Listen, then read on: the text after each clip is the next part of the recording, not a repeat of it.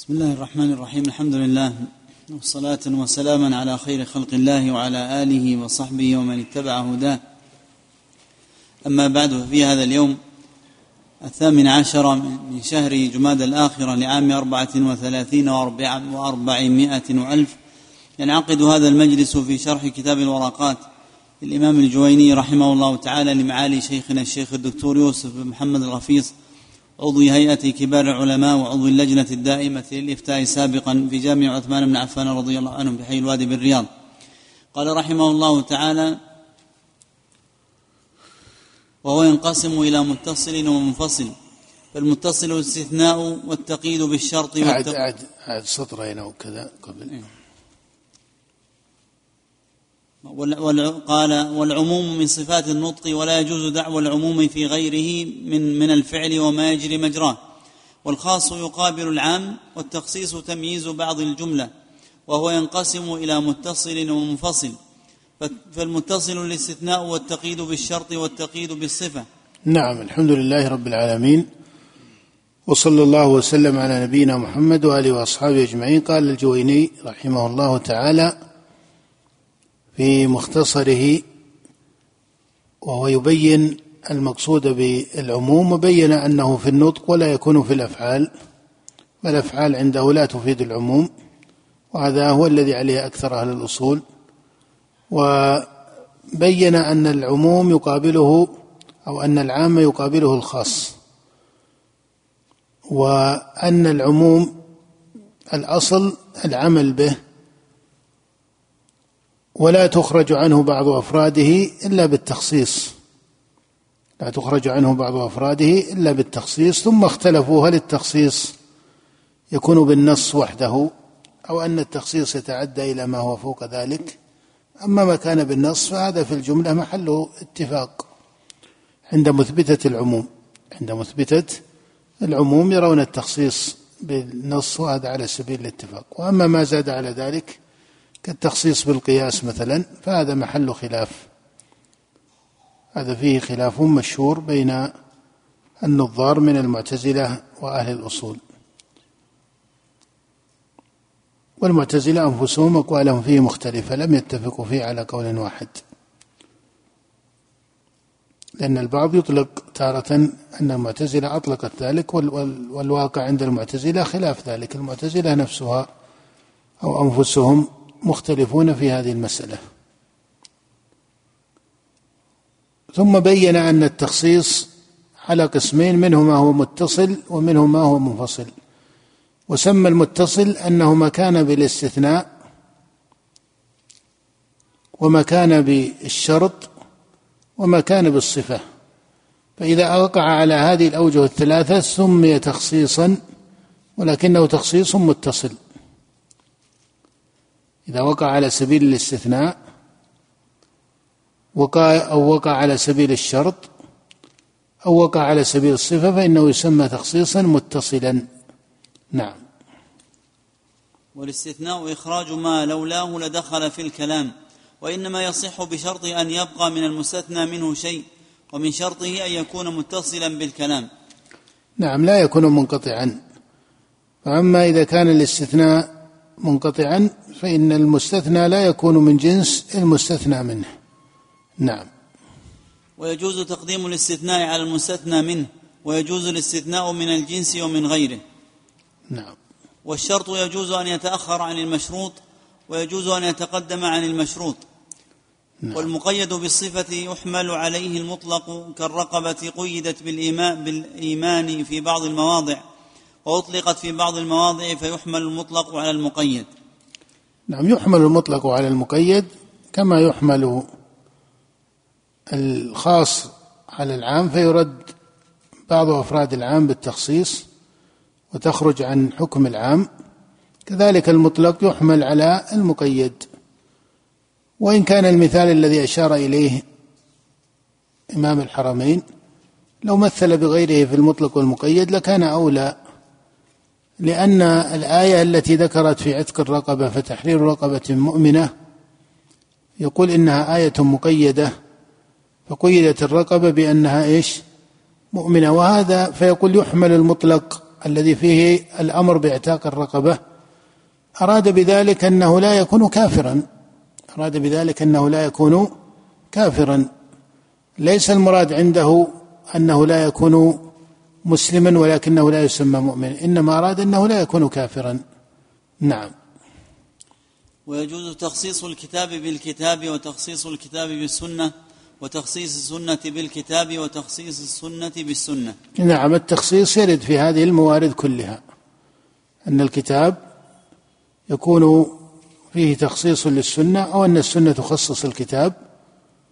ففي هذه الموارد التي ذكرها كلها يقع فيها التخصيص وهذا كله في التخصيص بالنص وهذا في الجملة ظاهر هذا في الجملة ظاهر من حيث الحكم.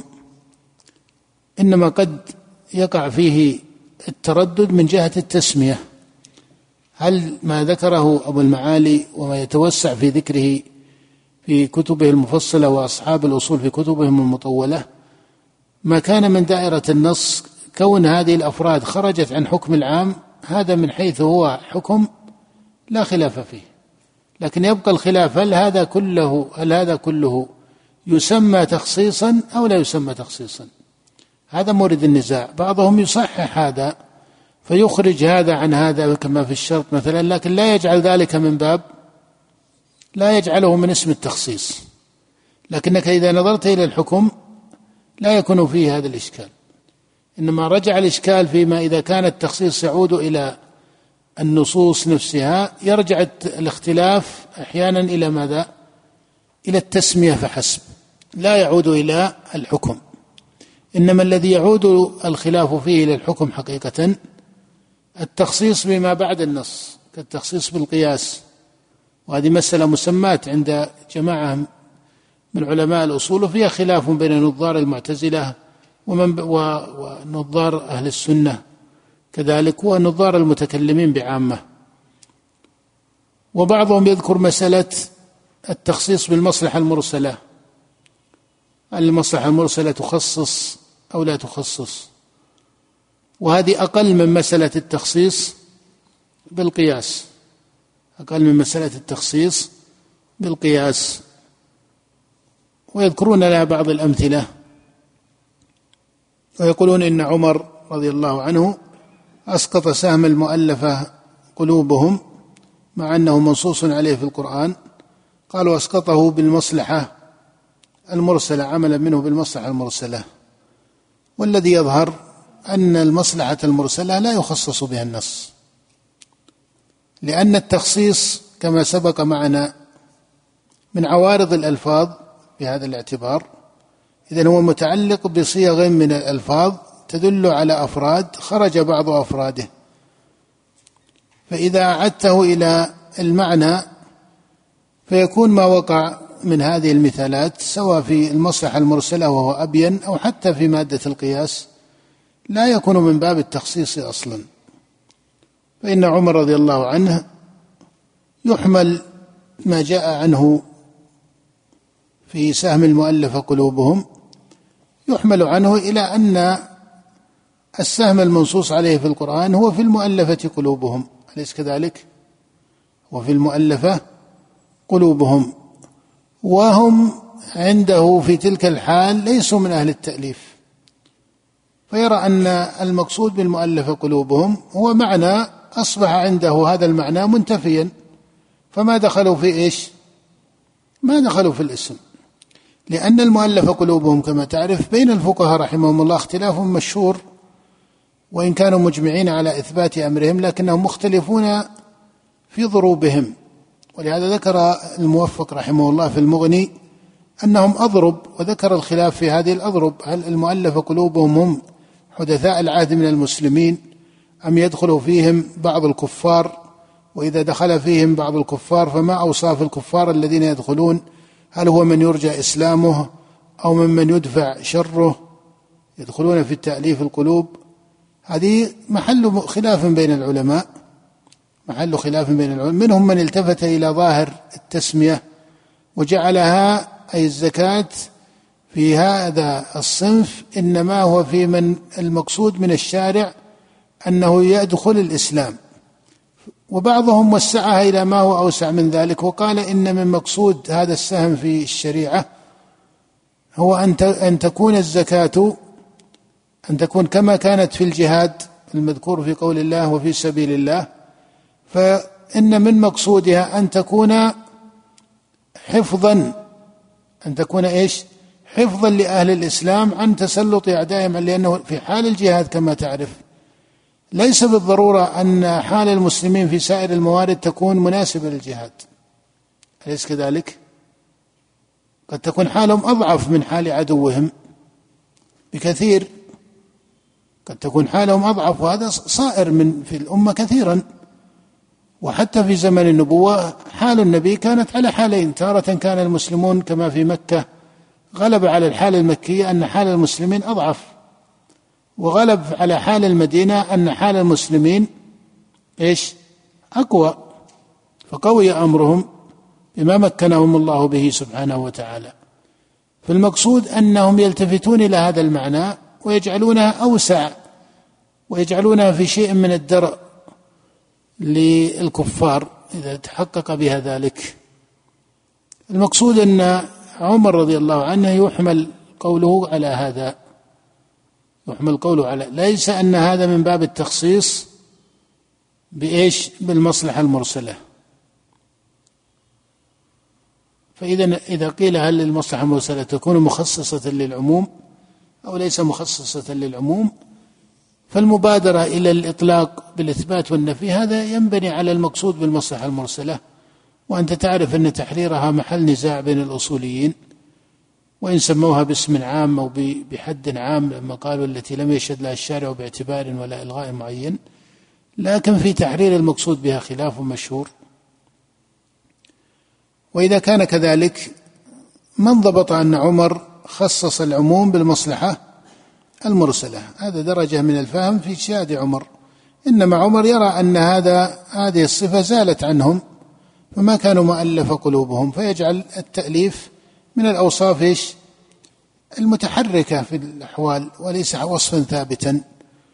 فلما تمكن الناس وتمكن الإسلام وظهرت الفتوحات إلى آخره يرى أن التأليف هنا ما أصبح أحد يرجى في التأليف. فهذا ما نقل عن عمر في هذا الاجتهاد كتوجيه وإلا يبقى أن الأصل أن المؤلف قلوبهم لا يزال سهمهم باقي. في القرآن حتى ولو ظهر المسلمون فإنما يكون في محل دون محل. نعم. وتخصيص النطق بالقياس ونعني بالنطق قول الله تعالى سبحانه وتعالى وقول الرسول صلى الله عليه وسلم. المجمل والمبين.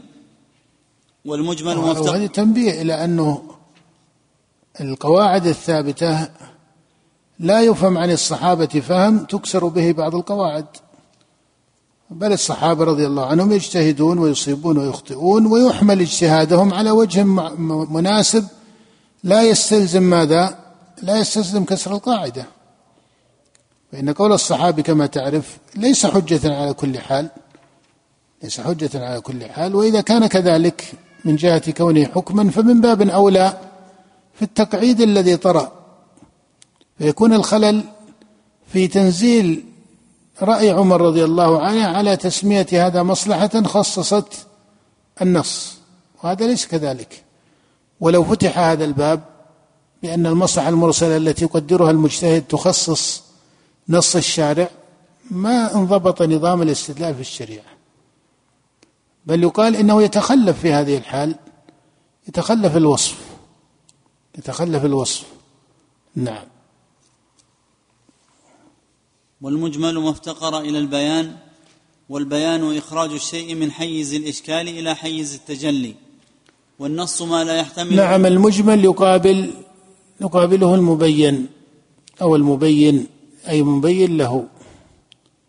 والنصوص فيها ما هو مجمل كالأمر المجمل بإقامة الصلاة ومنه ما هو مفصل كقوله يا أيها الذين آمنوا إذا قمتم إلى الصلاة فاغسلوا وجوهكم وأيديكم إلى المرافق وامسحوا برؤوسكم وأرجلكم إلى الكعبين.